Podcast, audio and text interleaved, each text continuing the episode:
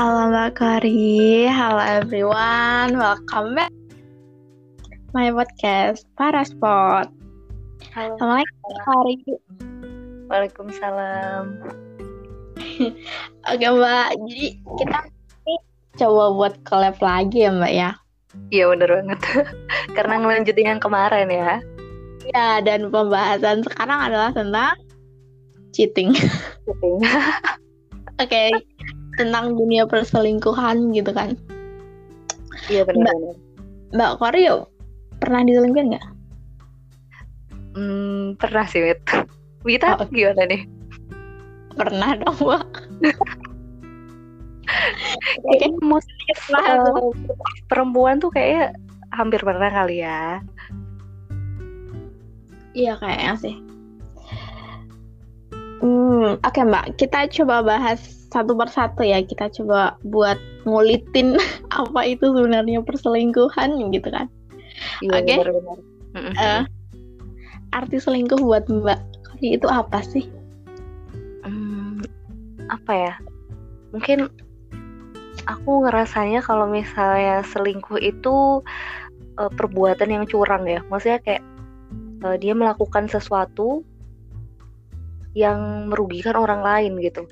Itu sih buat aku. Kalau misalnya lo ngelakuin sesuatu tapi nggak ngerugiin ol- orang lain, ya udah itu nggak selingkuh. Maksudnya gini, misalnya orang pasang dia eh, punya pacar lain gitu ya terus pacar aslinya tuh nggak keberatan ya udah nggak apa-apa itu bisa dibilang bukan selingkuh gitu sih kalau aku mikirnya Wah ekstrim. menurut aku ekstrim gitu Mbak. Aduh, menurut aku tuh apa ya? Arti selingkuh tuh em, pengkhianatan sih atas Iya kepercayaan kesetiaan ya. iya iya ada bener ya sih itu bener banget bener, bener sih jadi emang Iya. kalau misalnya eh, udah terlalu percaya gitu ya terus tiba-tiba dia eh, mengkhianati kepercayaan kita itu emang kayak ih gemes banget gak sih Iya, marah lah pasti gitu. Terus nih Mbak, Mbak percaya nggak sih kalau selingkuh itu tuh sebenarnya adalah suatu penyakit atau emang selingkuh itu sebuah kebutuhan? Nah, dari pandangan Mbak sendiri itu seperti apa?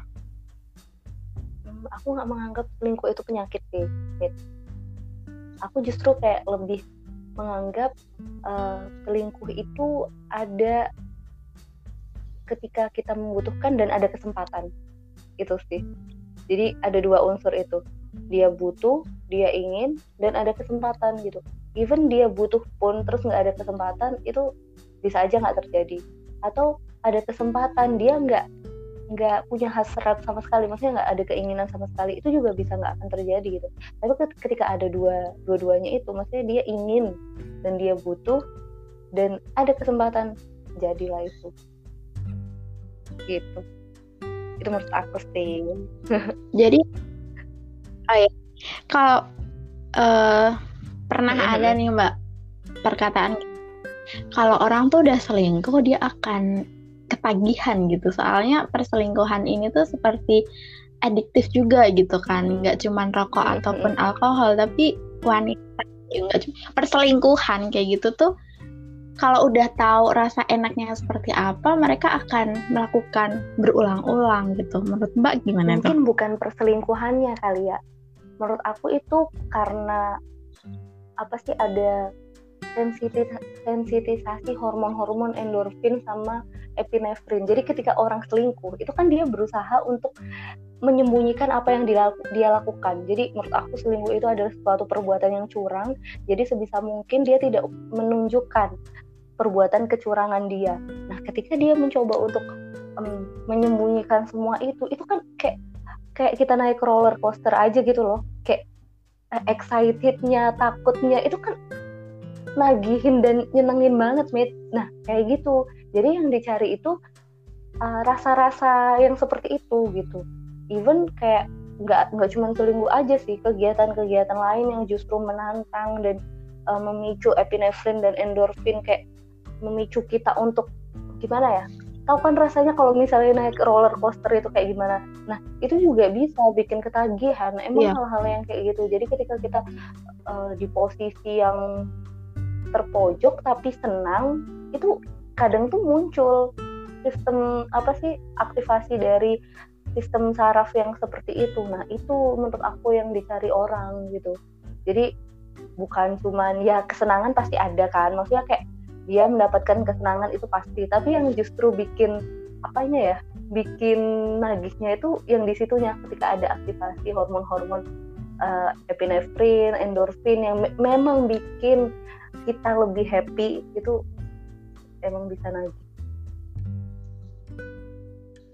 Jadi ada hubungannya dengan kesehatan juga ya Mbak berarti dalam hal ini itu pengaktifan iya, iya, hormon gitu loh. Memang bahkan eh, nggak uh, cuma selingkuh aja maksud aku kegiatan-kegiatan yang menantang dan um, memicu apa sih kita untuk lebih aware dan lebih waspada itu bisa memicu hormon-hormon dan saraf-saraf itu untuk aktif gitu. Oke, lanjut nih Mbak.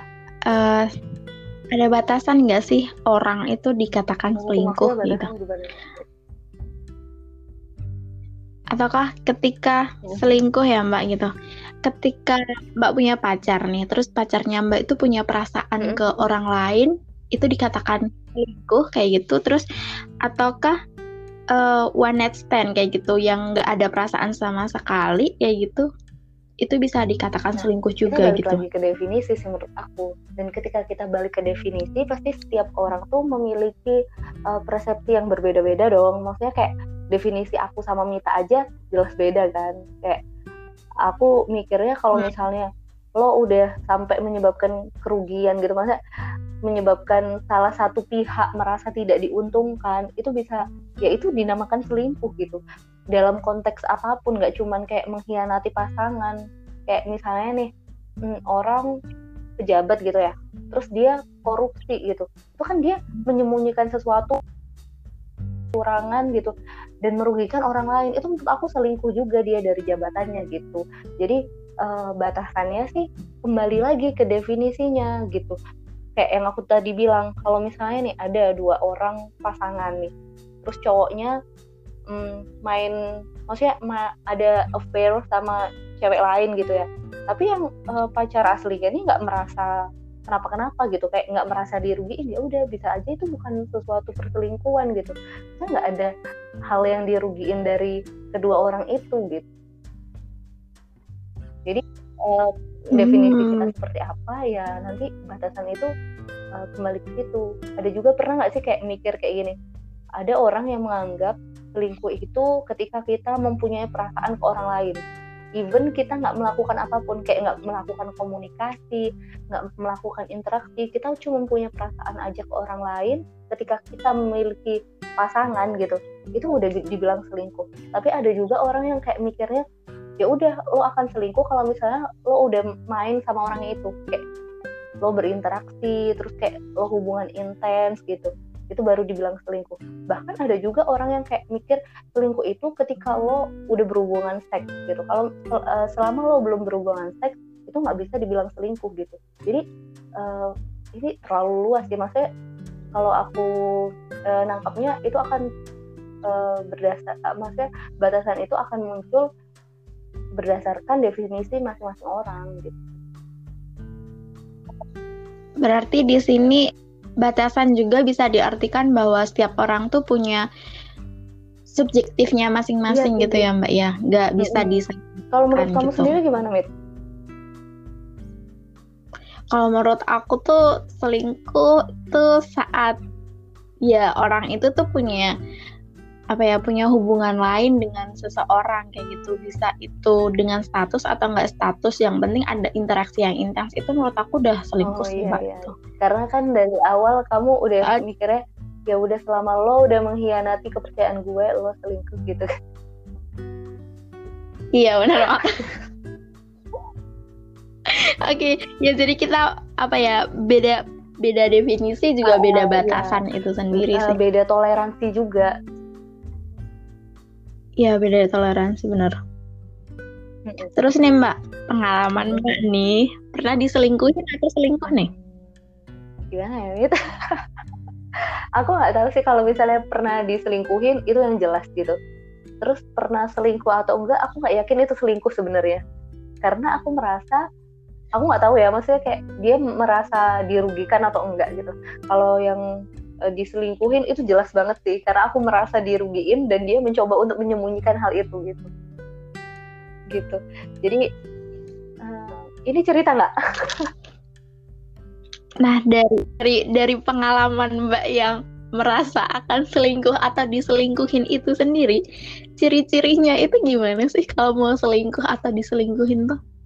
Kalau diselingkuhin itu kayak ya kita nggak pernah tahu sih. Maksudnya kita nggak pernah tahu uh, kapan dia sebenarnya selingkuh. Tapi waktu itu aku tahunya tuh akhirnya menciumnya. Eh mencium. Ini ceritanya agak drama sih. Yang aku tuh kayak emang aku kan orangnya agak kurang peka ya. Maksudnya kurang peka kurang sensitif nggak aware juga waktu itu sih. Udah lama. Uh, cuman uh, waktu itu aku merasa aku tuh terlalu tidak sensitif dan tidak peduli sama sekitar dan utamanya sama pasangan aku gitu maksudnya aku nggak nggak aware. Padahal sebenarnya dia sudah menunjukkan tanda-tanda itu. Tanda-tanda kalau misalnya dia sedang ada affair dengan orang lain gitu. Cuman aku waktu itu tahunya karena si selingkuhannya itu akhirnya kayak sebenarnya kayak ngelabrak ngelabrak gitu loh mit. Padahal kan kayak lah yang pacarnya siapa? Yang dilabrak siapa? Gitu. Wah lucu banget sebenarnya. Jadi aku tahunya ya karena dia kayak ngelabrak kayak seakan-akan aku adalah orang ketiga di hubungan mereka gitu. Padahal ya kita waktu itu udah pacaran uh, udah cukup lama sih tiga tahun mungkin ya. Terus ya setelah itu akhirnya aku timbang-timbang ya gimana ya ya udahlah. Ya berarti kan uh, kita ditunjukkan dan dibukakan uh, perbuatan dia maksudnya perbuatan curang dia itu saat itu gitu. Padahal dia sudah melakukan perselingkuhan itu kurang lebih eh, enam uh, bulan waktu itu. Jadi aku kayak nggak aware sama sekali. Sebenarnya kalau misalnya mau dilihat gitu udah ada sih tanda-tanda kalau dia menunjukkan ke arah itu gitu. Jadi selama enam bulan itu dia tuh mulai kayak hubungan atau komunikasi kita itu kayak ya udah asal jalan aja gitu. Maksudnya kayak uh, interaksi kita komunikasi kita itu cuman sebatas kayak rutin rutinitas aja gitu loh. Nggak ada kayak yang bener-bener peduli dan aware dan care kayak ya udah kita masih hubungan tiap hari kayak send message and ya SMS gitu chat gitu. Tapi ya udah nggak ada nggak ada keinginan kayak misalnya nanya apa gitu. Nggak nggak berlanjut gitu loh komunikasinya. Yang penting kayak ada absen sehari masuk gitu message udah gitu aja. Terus kayak hmm, selalu kayak ingin ketemu gitu kayak apa sih? Kan kita emang LDR ya waktu itu. Kendalanya sih waktu itu LDR sih hmm. LDR terus dia kayak uh, mempermasalahkan gitu loh. Kayak uh, memicu selalu memicu pertengkaran. Kalau misalnya kita itu nggak pernah ketemu dan itu uh, mengganggu hubungan kita kayak gitu. Padahal selama ini maksudnya selama tiga tahun ini kita fine fine aja dengan hubungan yang seperti ini gitu. Terus kenapa akhir-akhir ini seperti itu gitu itu karena aku nggak menyadari sih. Padahal sebenarnya kalau misalnya kita lihat pasti ada sih. Pasti ada gelagat-gelagat yang dia tunjukkan. Karena orang berbohong itu ya pasti akan kelihatan gitu. Kan ada sesuatu yang berusaha dia tutupi. Entah entah uh, perilaku dia menjadi aneh aneh dalam artian yang tiba-tiba yang dulu cuek jadi baik banget untuk menutupi apa sih uh, perbuatan yang curang dia atau uh, yang dulu baik banget jadi berkurang karena perhatian dia udah teralihkan sama perhatian orang lain gitu. Itu yang tanda-tanda kalau misalnya uh, mungkin kita diselingkuhin gitu kali ya. Kalau kamu gimana mit? Ngelihat nggak sih kalau misalnya ada ini sign gitu? Ada ya ampun. Kalau aku drama juga sih mbak. Jadi kalau di posisi ini tuh jadi aku ngerasa kayak aku tuh malah yang dijadiin selingkuhan sih. Oh gitu. Menurut aku tuh. iya. Aduh kita ini ya, apa sih kayak uh, benar-benar dari berbagai sudut pandang gitu ya. Kayak misalnya aku korban, maksudnya korban yang uh, orang yang benar-benar diselingkuhi, ini kamu yang korban juga tapi kayak istilahnya kayak orang lain gitu yang ya dari orang ketiga gitu loh Mit Iya mbak rasa banget ini tuh sumpah. Jadi ceritanya kan emang drama sih. Menurut aku tuh drama gini.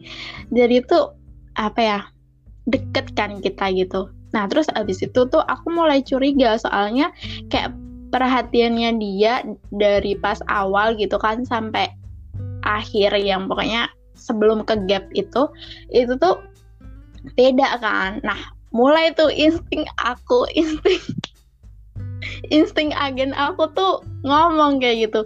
Cari deh siapa sih mantannya kayak gitu. Dan mulai dari situlah aku mulai searching siapa sih mantannya dia kayak gitu kan. Sampai skripsinya itu pun aku cek loh mbak mereka berdua gitu kan. Sampailah ketemu terus iseng iseng gitu loh mbak. Kemarin masih pakai line kan. Jadi aku apa ya ID lainnya itu tuh aku balik namanya oh, iya, mantannya iya, iya. itu loh gitu doang. Ketemu beneran. Ketemu beneran. Dan itu tuh lah, apa ya langsung tak chat kayak gitu kan. Mbak ini ya mantannya ini ya apakah balikan? Kayak gitu. Iya kita balikan lagi. Langsung aku labrak tuh orang kayak gitu.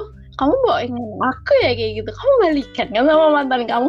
Tak tampar itu mbak di situ tuh. Itu tuh langsung Sumpah.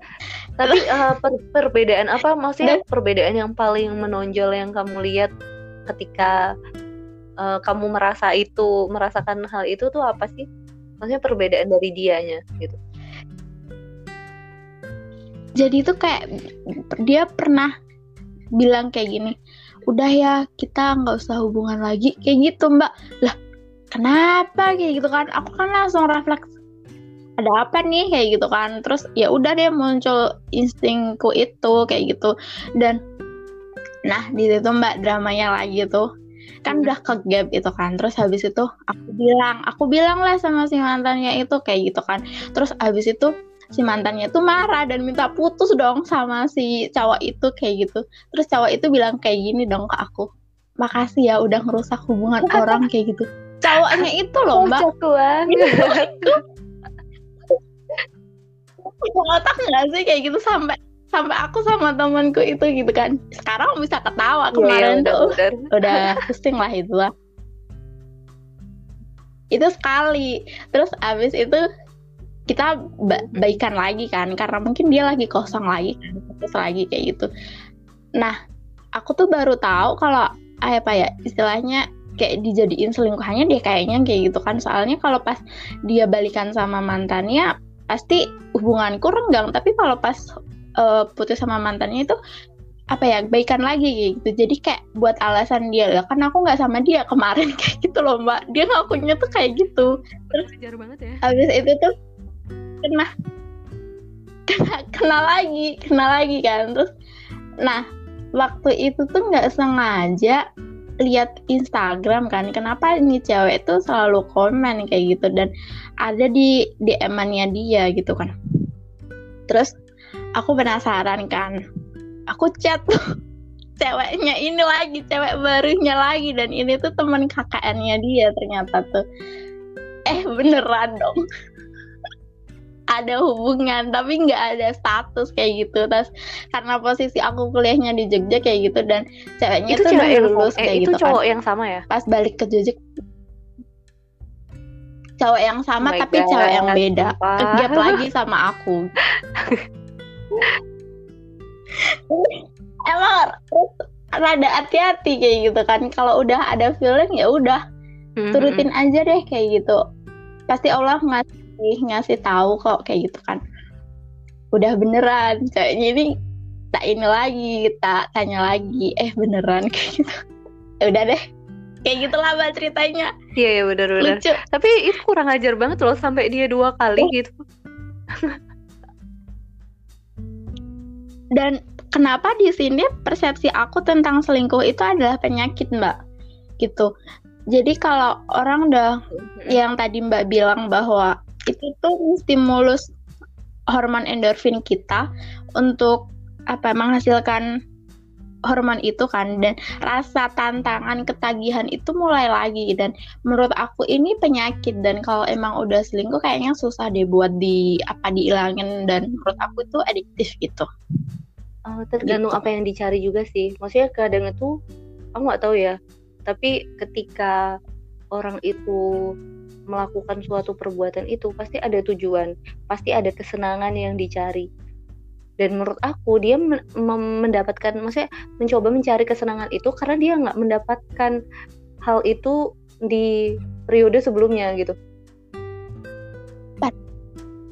uh, jadi kalau oh, misalnya gitu. waktu itu ya yang case aku itu jadi emang aku tuh emang orangnya hmm. cuek kan maksudnya waktu itu aku masih kuliah gitu kan kuliah kedokteran gitu jadi kan kayak uh, full dari pagi sampai sore gitu. Kadang sore lanjut uh, rapat sampai malam yang bahkan kayak untuk balas chat aja kayak merasa kesula kesulitan gitu kan.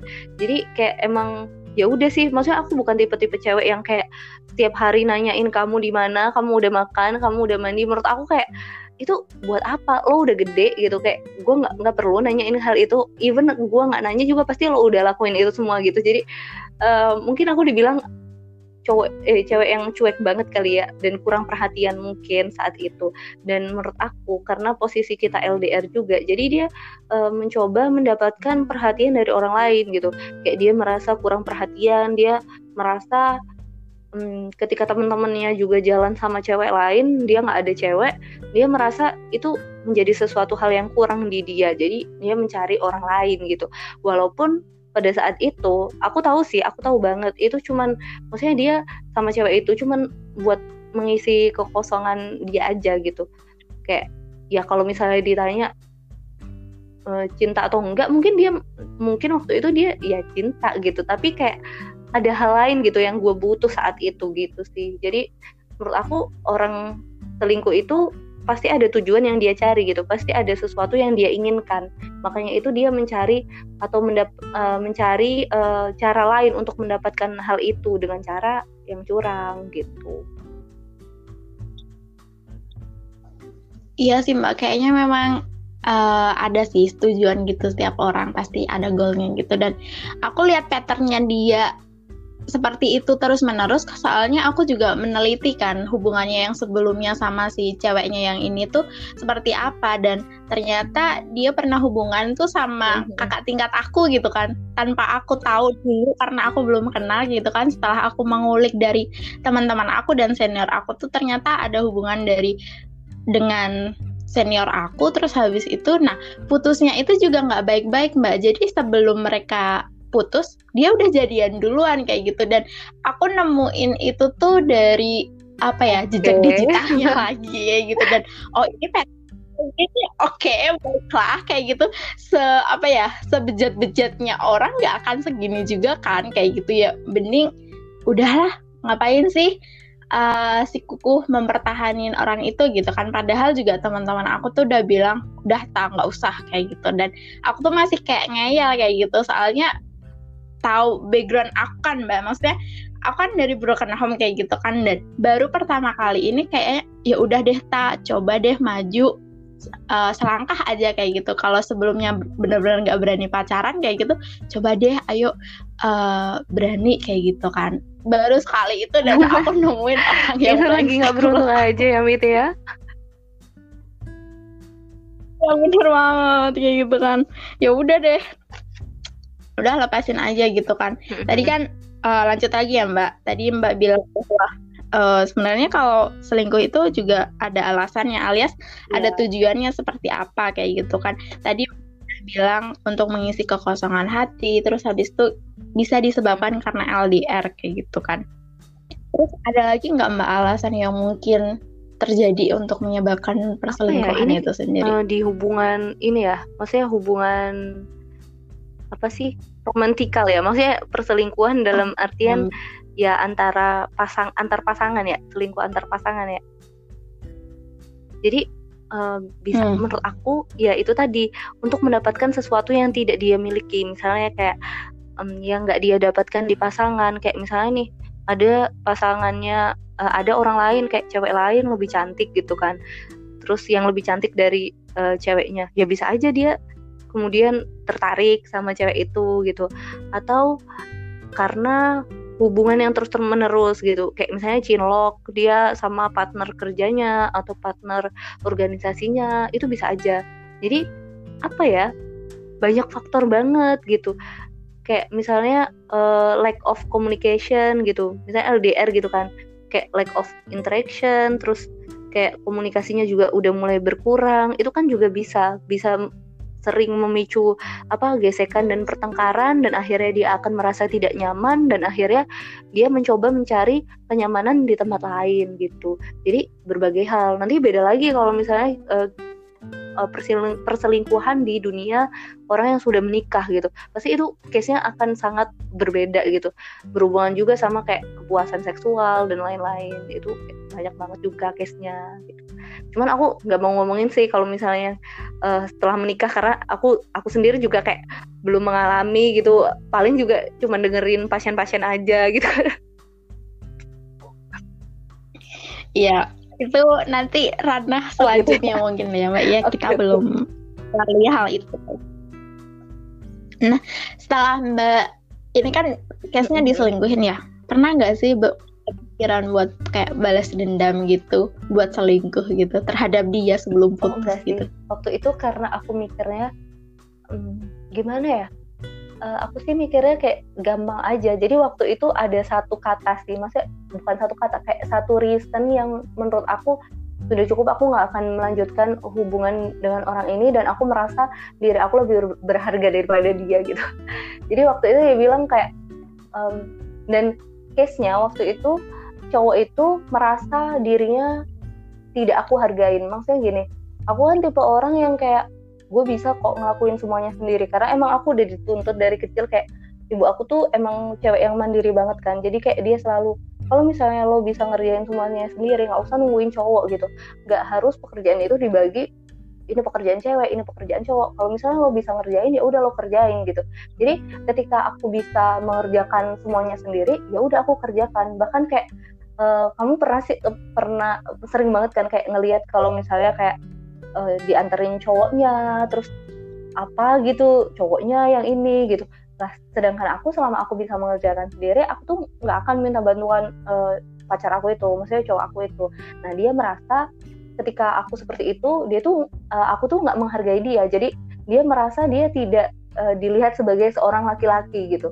Tapi ketika uh, uh, jadi jadi tapi aku dia seorang laki-laki terus iya, cederai kayak gitu. Tapi aku mikirnya gini mit. Kayak oh gitu. Ya berarti harusnya lo bisa melakukan hal yang lebih dari gue dong. Maksudnya kayak ya udah standar gue tuh segini. Maksudnya kapasitas gue segini. Harusnya sebagai laki-laki lo mempunyai kapasitas yang lebih dari gue gitu.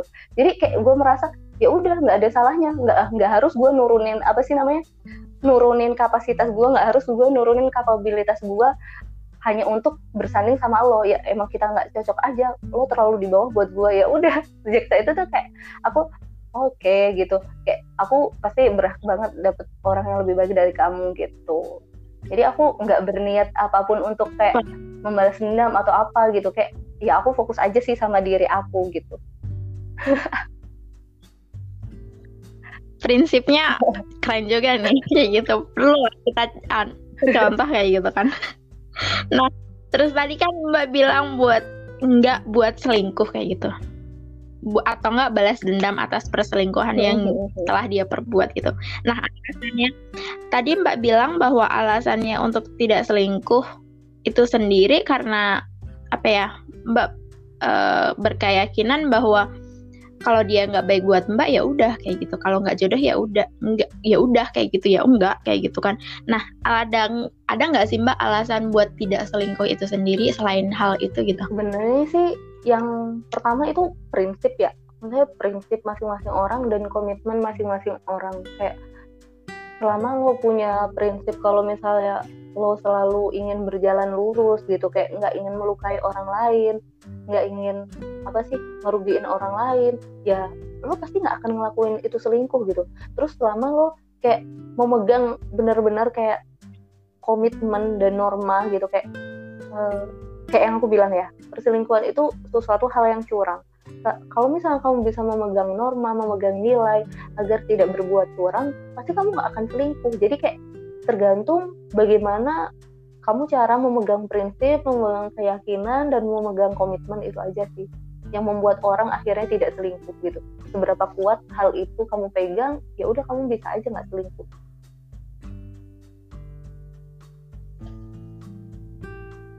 Oh, oke. Okay. Nah, terus abis itu Mbak, karena Mbak udah sikukuh nih karena alasan prinsip tadi, sehingga Mbak nggak akan selingkuh kayak gitu. Karena ada pengalaman pernah diselingkuhin itu, Mbak pernah takut nggak sih buat apa menjalin percintaan lagi lah istilahnya kayak gitu. Itu kan itu kan sebagai konsekuensi karena udah diselingkuhin gitu kan. Mungkin kan itu terhadap mental kita juga kan ketakutan akan hal itu kembali kan pasti lebih tinggi kan dibandingkan yang iya sebelumnya kayak gitu. Itu uh, kalau kamu pernah baca ya, pasti kamu juga pernah baca ya. Gelas itu kalau udah pecah nggak akan bisa disatuin jadi sesuatu hal yang sempurna gitu.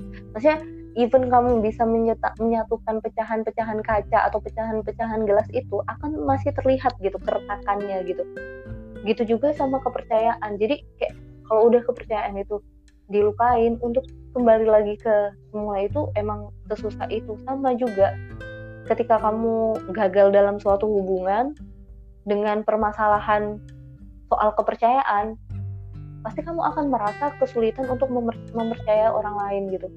Utamanya mempercayai laki-laki lain. Kalau aku sih gitu ya. Jadi setelah putus itu sempet aku tuh masih sempet pacaran sama orang lain gitu. Cuman kayak feelnya tuh kayak nggak semu nggak sepenuhnya apa sih namanya nggak um, sepenuhnya percaya gitu loh. Kayak ya udah aku menjalani semua itu ya udah asal aja gitu. Kayak lo main-main ya udah gue main-main gitu. Kayak nggak nggak menjalani sesuatu hubungan yang serius gitu loh maksudnya sejak uh, peristiwa itu gitu. Aku baru mulai kayak mulai kembali untuk membuka diri mungkin dua tahun atau tiga tahun setelah kejadian itu. Jadi kayak ya udah seharusnya kali kor maksudnya kayak nggak semua orang kayak dia masih banyak kok orang yang baik juga gitu. Terus kayak aku juga akhirnya introspeksi sama diri aku gitu. Ya mungkin emang kemarin aku kurang perhatian kayak aku tuh nggak ekspresif orangnya. Harusnya kalau misalnya lo nggak suka lo ungkapin aja nggak suka gitu. Kalau misalnya lo mau ini ungkapin aja lo mau ini gitu. Kayak nggak nggak semua orang tuh ngerti apa yang lo pikirin ketika lo nggak ngomong gitu. Jadi banyak hal maksudnya aku waktu itu melis ya. Maksudnya apa yang membuat aku uh, sampai gagal dengan cara seperti itu gitu. Maksudnya sampai diselingkuhin itu kenapa aja? Aku bener-bener kayak list dan introspeksi apa yang kurang dari dalam diri aku terus aku mencoba memperbaiki. Jadi dulu tuh aku orangnya introvert banget. Kayak nggak um, bisa ngobrol sama orang. Maksudnya kayak uh, sedikit orang yang bisa aku ajak ngobrol gitu. Aku orangnya tuh nggak komunikatif terus nggak gampang juga kenal sama orang nggak gampang nyaman sama orang. Nah sejak apa sih sejak peristiwa itu aku jadi kayak banyak belajar hubungan interpersonal sama orang. Dan akhirnya sekarang aku merasa lebih enjoy bahkan aku merasa aku sekarang lebih suka ketika aku ngobrol sama orang ketika aku berinteraksi sama orang yang dulu tuh bukan aku banget gitu. Jadi aku kayak kadang aku berterima kasih sama uh, mantan aku itu karena dengan seperti itu dia mengajarkan aku uh, sesuatu hal yang baik juga gitu tapi itu ya tergantung masing-masing orang sih gimana cara menyikapi suatu peristiwa dan mengambil hikmah dari suatu peristiwa. Aku kalau misalnya sekarang ditanya kesel nggak? Nggak sama sekali. Justru aku kayak berterima kasih ya. Mungkin dia datang hanya untuk memberikan suatu pelajaran untuk aku. Kalau misalnya nggak ada peristiwa itu mungkin aku nggak akan berubah dari yang dulu aku cupu banget gitu. Terus kayak uh, jelek banget komunikasi aku sama orang gitu. Sampai jadi aku yang seperti sekarang gitu. Jadi karena ada peristiwa itu istilahnya itu adalah satu titik balik buat Mbak gitu ya. Bener banget. Bener sangat banget. Karena aku berubah drastis. Ternyata itu dampaknya sebuah peristiwa perselingkuhan itu bisa merubah 180 derajat orang itu sendiri ya Mbak. Iya bener gitu. Dan Mbak kerja butuh 2 sampai tiga tahun gitu buat nerima orang baru gitu. oh, kayak gitu. Terus nih Mbak, tadi kan Mbak bilang bahwa hmm, butuh 2 sampai tiga tahun itu sendiri buat istilahnya move on kayak gitu kan. Nah, setelah itu nih Mbak, setelah 2 sampai 3 tahun itu kalau diketemuin sama orang itu lagi hmm? takut atau enggak? Enggak sih.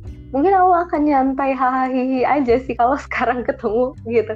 Karena yang itu tadi aku udah kayak uh, udah di satu titik yang benar-benar memaafkan, menerima semua hal gitu, menerima menerima kesalahan dia, menerima uh, kesalahan aku juga mungkin yang ada waktu itu gitu. Terus menerima takdir kayak ya emang lo udah nggak ditakdirin sama dia. Kayak ada orang lain yang lebih cocok buat lo dan ada orang lain juga yang lebih cocok buat dia gitu. Kalau bukan karena peristiwa itu mungkin lo akan masih menjalani sesu sesuatu hal yang tidak jelas yang tidak ada ujungnya gitu. Kayak ya udah akan kayak gitu aja. Pasti kayak uh, percaya banget deh kayak Tuhan tuh pasti ngasih sesuatu di balik suatu peristiwa. Jadi kalau misalnya sekarang ya udah nggak ada apa-apa. Kayak bener-bener aku udah healing banget gitu. Jadi aku percaya sih kalau misalnya kamu uh, disakitin sama orang gitu terus ketika kamu masih ada rasa sakit atau ra masih ada rasa kesel itu artinya kamu belum belum belum benar-benar healing bener. Tapi kalau misalnya ketika kamu udah merasa sangat biasa aja. Bahkan kamu cerita bisa sambil ketawa-tawa itu kamu udah udah udah kayak sembuh banget gitu. Berarti ngomongin yang tentang healing nih. Aku jadi uh, ke trigger buat ngomong kalau sebenarnya kalau ngomong cerita kayak gini gitu udah bisa ketawa gitu kan. Tapi kenapa tadi aku tanya? Takut nggak sih ketemu sama orang itu lagi kayak gitu? Aku masih takut mbak takutnya apa Entah kenapa itu aku oh, apa yang kamu khawatirkan gitu?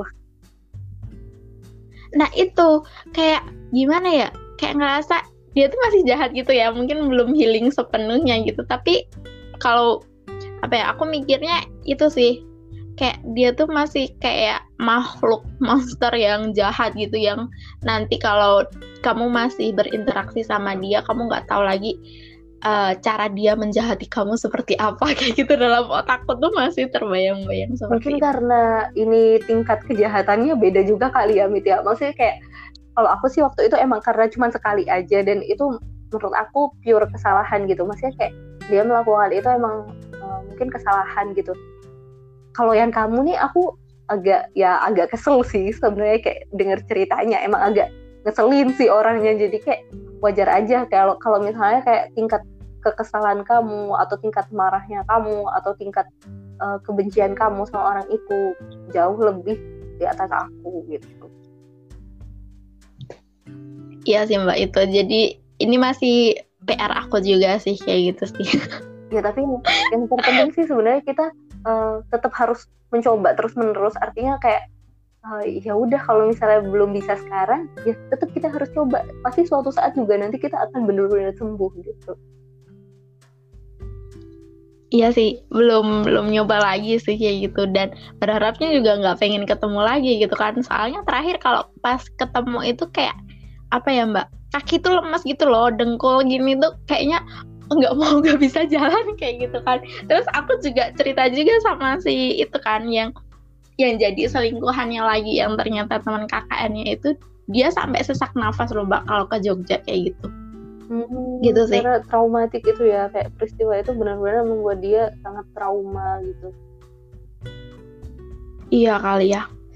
Gitu sih mbak. Terus Nah, after kita tahu nih konsekuensinya bahwa sebenarnya itu adalah suatu titik balik dan itu kesempatan kita buat introspeksi diri dan mengevaluasi diri kayak gitu. Dan habis itu kita pada fase bisa memaafkan kesalahan dia, kesalahan diri kita sendiri dan yakin bahwa uh, sama Tuhan bahwa Tuhan itu selalu ngasih yang terbaik gitu, apalagi soal jodoh kayak gitu kan. Nah, setelah melalui peristiwa tersebut apa sih yang Mbak lakukan kayak gitu buat ke depannya? Uh, maksudnya di hubungan, maksudnya di hubungan percintaan juga ya? Iya, jadi kan udah udah tahu nih peristiwa tentang perselingkuhan kayak gitu kan. Nah setelah itu akan menjalin suatu hubungan lagi dengan seseorang yang baru, apa saja sih yang perlu Mbak antisipasi atau apa aja sih yang Mbak persiapkan untuk menjalin hubungan yang baru itu gitu. Jadi karena aku bilang tadi ya itu semua based on commitment dan based on principle jadi kalau misalnya kita masih dalam suatu hubungan yang kayak, kayak dalam artian pacaran gitu itu menurut aku kayak riskan banget kayak lo masih bebas untuk selingkuh gitu karena kayak komitmennya masih belum kuat. Terus kayak hmm, apa sih kayak prinsip untuk tidak selingkuhnya juga kayak masih belum kuat. Jadi kayak aku sekarang nganggepnya ya udah kalau misalnya lo mau pacaran gitu lo mau uh, menjalin suatu hubungan dengan pacaran ya lo harus beresiko untuk dapet hal itu. Nah karena kayak aku males banget gitu kan kayak males banget untuk lebih aware tentang hal-hal kayak gitu dan males banget kalau misalnya itu akan uh, terjadi lagi. Jadi aku kayak mikirnya ya udah kalau mau hubungan yang langsung serius. Maksudnya kalau misalnya dalam hubungan menikah gitu kan itu kan komitmennya jelas gitu. Komitmennya jelas terus prinsipnya itu udah jelas banget kan. Kayak hubungan kita tuh nggak cuman antar manusia aja. Maksudnya hubungan bukan antar aku sama kamu tapi kayak aku dengan kamu, keluarga aku dengan kamu, dan kita dengan Tuhan gitu. Jadi kayak komitmennya akan lebih tegas dan lebih jelas, terus prinsipnya akan lebih jelas juga. Jadi ya udah kalau misalnya uh, aku sih untuk hubungan selanjutnya ya mungkin aku eh, nggak uh, akan yang ke arah hubungan yang pacar-pacaran gitu loh. Maksudnya kayak ya pacaran sih eh, nggak uh, apa-apa, tapi kayak lo harus ya banget untuk diselingkuhin atau lo harus ya banget kayak mendapatkan eh, hal-hal uh, yang menyakitkan gitu. Ya bukan berarti kalau misalnya lo udah menikah lo nggak dapet masalah gitu. Tapi seenggaknya ketika menikah itu kita udah uh, orientasinya tuh bukan cuma hubungan antar manusia aja gitu. Jadi aku mikirnya ya kalau misalnya kita menikah itu bukan uh, pertanggungjawaban kita itu bukan cuma sama pasangan kita tapi kayak sama Tuhan juga gitu sih speechless aku mbak dengarnya itu ternyata ya um, dari peristiwa perselingkuhan itu sendiri membawa dampak kedewasaan diri yang menuju tingkat yang menurut aku yang mungkin semua orang nggak bisa ngerasain itu gitu. Diberi kesempatan buat ngerasain itu gitu kan. Setelah tahu tentang apa ya uh, triangle relation. Maksudnya di sini ada ada hubungan antar manusia dan Tuhan itu sendiri sebagai pegangan prinsip baru dalam hidupnya Mbak kayak gitu kan. Dan juga mempersiapkan mental itu sendiri. Hmm, mungkin aku bisa belajar deh nanti ke depannya. Aku sih bukan orang-orang yang alim gitu ya, Mit. Maksudnya kayak aku bukan orang-orang yang kayak bener-bener nggak mau berhubungan sama cowok gitu. Bukan, cuman kayak aku uh, melihat realita aja kayak kita lihat aja kayak uh, kondisinya faktanya gitu ya emang kayak gitu gitu dan emang uh, kayak bener banget gitu oke mbak nah ini kita udah sampai di maksudnya pembahasan terakhir kan karena udah sampai progresnya ke depan tuh seperti apa gitu kan untuk diri kita. Mm-hmm. Nah, kesimpulannya Mbak untuk sesi ini itu apa sih biar nanti tuh kita ambil moral value-nya.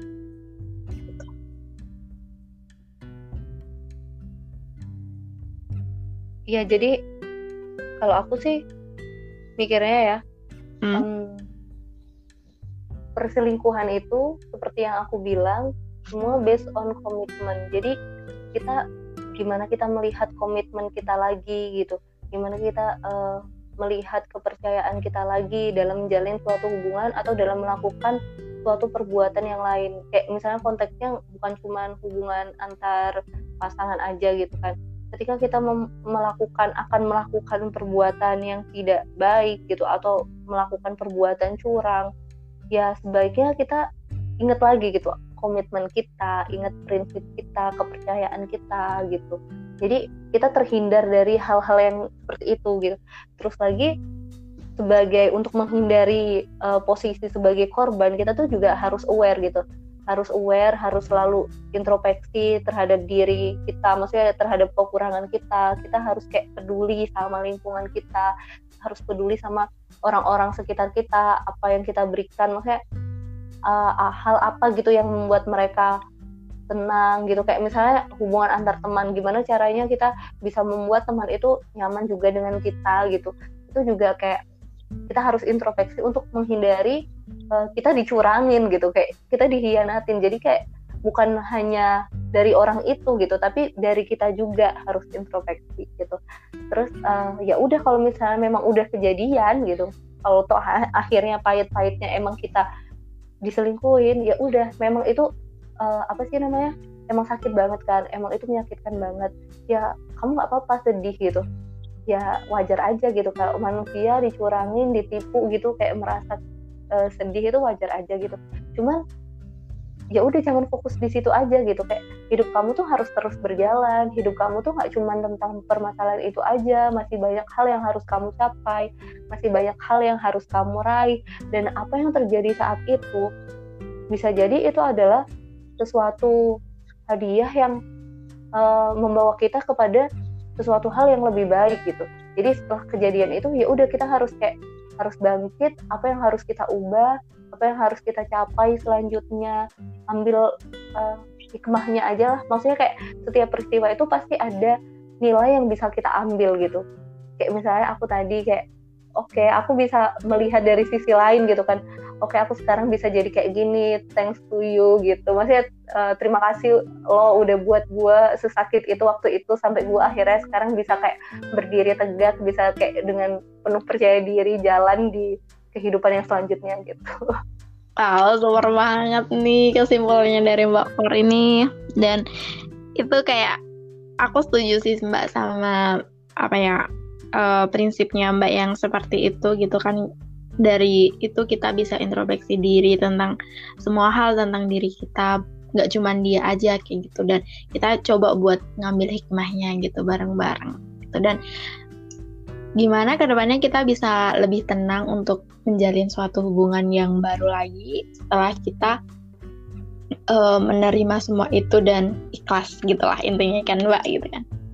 Ya uh, mungkin udah dulu ya mbak sesi diskusi kita dan terima kasih banget atas ilmu yang udah diberikan. Aku dapat insight-insight baru nih dari Mbak Kori kayak gitu. Dan semoga kita bisa sama-sama. bisa ini sih.